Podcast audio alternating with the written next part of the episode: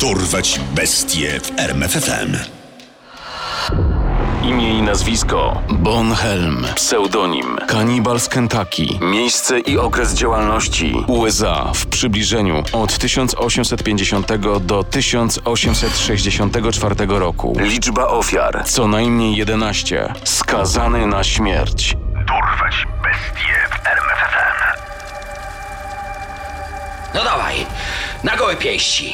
Pokaż, co potrafisz. Na gołe pięści, a ten nóż to co? Niespodzianka. Po dziś dzień naukowcy i historycy spierają się, czy Dziki Zachód był faktycznie tak barwny, jak przedstawiają go pisarze i scenarzyści westernów.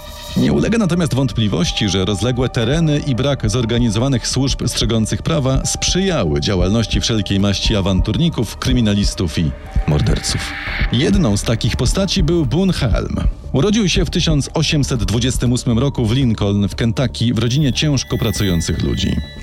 Od małego miał trudny charakter, co szybko wykluczyło go z edukacji innej niż ciężka ręka ojca.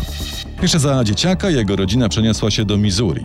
Chłopak dojrzewał i przejawiał coraz większą skłonność do przemocy.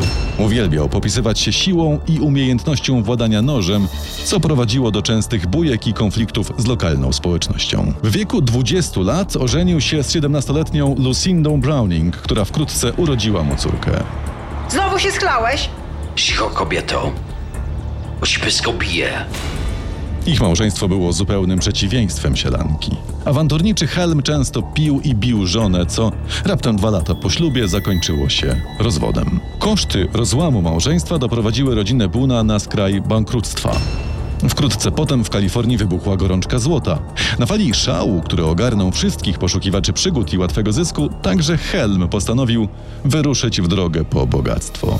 Drogę, która obfitowała w trudy i niebezpieczeństwa. Próbował więc namówić do wspólnej wyprawy swojego kuzyna Little Burego Shoota. Jedź ze mną. Obłowimy się i ustawimy do końca życia. Ta. Jeśli nie stracimy go po drodze przez góry i lasy. Nie bądź tchórzem. Zbieraj się. Daj mi spokój, nigdzie nie jadę. Ożesz ty. Wściekły Helm chwycił za nóż i w napadzie szału zadźgał kuzyna. Gdy otrzeźwiał, ruszył w drogę, by uciec od odpowiedzialności, ale brat i kumple Szuta dopadli go i zawlekli do szeryfa. Boone trafił do więzienia, w którym zachowywał się tak dziwnie, że władze postanowiły przenieść go do azylu dla niepoczytalnych. Helm wyciszył się i zamknął w sobie. Jedną z rutynowych czynności każdego dnia były spacery po lesie w towarzystwie strażnika. Dzień za dniem usypiał czujność człowieka, który miał go pilnować, aż podczas jednego z takich spacerów udało mu się zbiec. Ruszył w drogę ku raz obranemu celowi do Kalifornii. W drodze Helm spotykał różnych ludzi, dobrych i podobnych sobie. Kilku z nich zabił w różnych potyczkach, co wówczas nie było czymś szczególnie nadzwyczajnym, jednak jedno morderstwo popełnił ze szczególną premedytacją. Obawa przed samosądem i zemstą górników skłoniła go do ucieczki na północ, do Oregonu. Dołączył do ekipy sześciu innych mężczyzn udających się w tamtą stronę. To właśnie oni, po raz pierwszy, usłyszeli coś, co zmroziło im krew. Zabijałem już, ale to nic nadzwyczajnego. Czymś naprawdę strasznym jest to, że czasami musiałem zjadać ludzkie mięso. Wiecie, jak wyglądają zimy w górach. Niełatwo o prowiant. Nie wiadomo, czy jego kompanii potraktowali opowieści o kanibalizmie poważnie, czy tylko jako pijackie przechwałki przy ognisku. Wiadomo natomiast, że podczas przemierzania szlaku na grupę napadli Indianie. W obawie przed kolejnymi atakami wędrowcy porzucili podróż utartym szlakiem i postanowili przedzierać się przez góry. Wkrótce nadeszła surowa zima. I tak już ciężkie warunki zmieniły się w ekstremalne. Zapasy żywności szybko się wyczerpały. Zdesperowani zaczęli zabijać własne konie, jednak i to nie starczyło na długo. Przyroda brała co swoje, eliminując ich jednego po drugim. Wkrótce w drodze pozostali tylko Helm i człowiek o nazwisku Burton. Nie dasz rady iść dalej?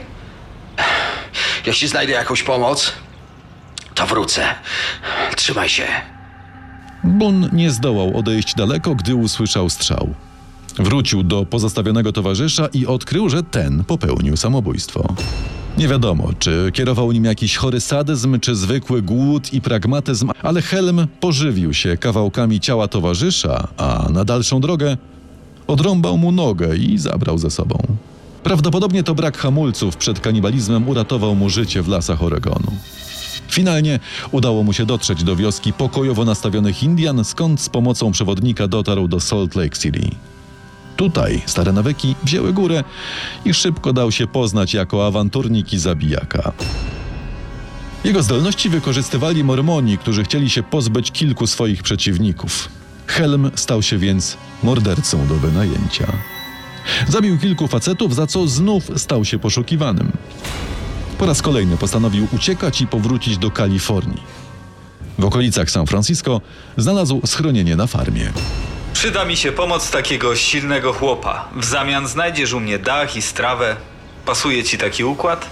Jasne. Dzięki. Taki układ wcale mu nie pasował. Helm miał wstręt do uczciwej pracy, a szczera wdzięczność była dla niego obcym uczuciem. Wkrótce zamordował ranczera, który się nad nim ulitował, okradł go i ruszył w dalszą drogę. Dotarł po raz kolejny do Oregonu, gdzie z mordowania i kradzieży uczynił sobie sposób na życie. Kolejny raz wzięli go na cel stróże prawa. Helm podczas pijackiej burdy w jednym z salonów zastrzelił nieuzbrojonego człowieka. Świadkowie widzieli, jak z premedytacją, nie trafiając za pierwszym razem, oddał drugi śmiertelny strzał do bezbronnego Holendra imieniem Fred. Chcąc uniknąć stryczka, Helm skierował się do Kolumbii Brytyjskiej. I tym razem podróż była ekstremalnie trudna. Pogoda i niemożność korzystania z utartych szlaków znów doprowadziły go na skraj śmierci, więc po raz kolejny postanowił zasmakować w ludzkim mięsie. Jego ofiarą padł inny zbieg, którego spotkał na swojej drodze. Przed czym uciekasz? A, okradałem górników i ci postanowili, że będę dobrze wyglądał dyndając na gałęzi. A ty? Ja? Mnie gonią za morderstwa. I dogonili. Niedługo potem Helm wpadł w ręce władz. Posiadał jednak sporo skradzionych pieniędzy i dzięki pomocy swojego brata, zwanego Old Tex, udało mu się przekupić świadków. Wobec braku dowodów sąd nie mógł skazać mordercy i Boone odzyskał wolność. Ruszył wówczas z bratem do jego rodzinnego Teksasu, ostatecznie jednak tam nie dotarł. Postanowił pozostać w dobrze sobie znanym rejonie i przyłączyć się do bandy owianego złą sławą Henry'ego Plamera. Jako członek gangu dalej rabował i mordował bez skrupułów, jednak działalność całej grupy łatwiej przyciągała uwagę władz niż pojedynczy człowiek. W grupie także trudniej zgubić pościg i to właśnie razem z czterema towarzyszami wpadł w ręce stróżów prawa w Montanie. Złodzieje i mordercy. Ale wesoła ferajna, nie ma co. Ja? A skąd? Przysięgam na Boga, że jestem niewinny. Dobra, dobra, już my wiemy, kto ty jesteś i coś nawyrabiał. Helm stanął przed sądem i kłamał jak znud. Zarzekał się, że nigdy nie zabił człowieka. Sędzia postanowił sprawdzić jego stopień deprawacji i kazał mu przysiąc na Biblię.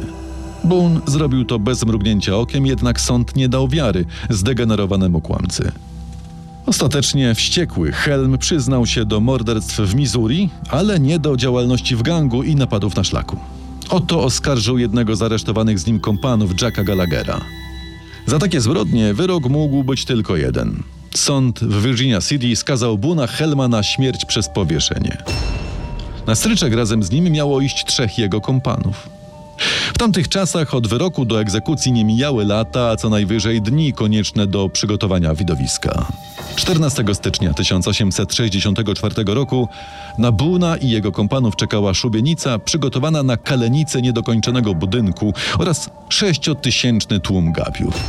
Gdy kat naciągnął pętlę na szyję Gallaghera, Helm bez cienia strachu powiedział – Wykopnij stołek, stary. Ja będę następny. Za minutę widzimy się w piekle. Sam zrobił to, co podpowiadał kompanowi. Nie czekając na kata, zeskoczył ze stołka. Wprost do piekła. Poznaj sekrety największych zbrodniarzy świata. Dorwać bestie w RMFFM.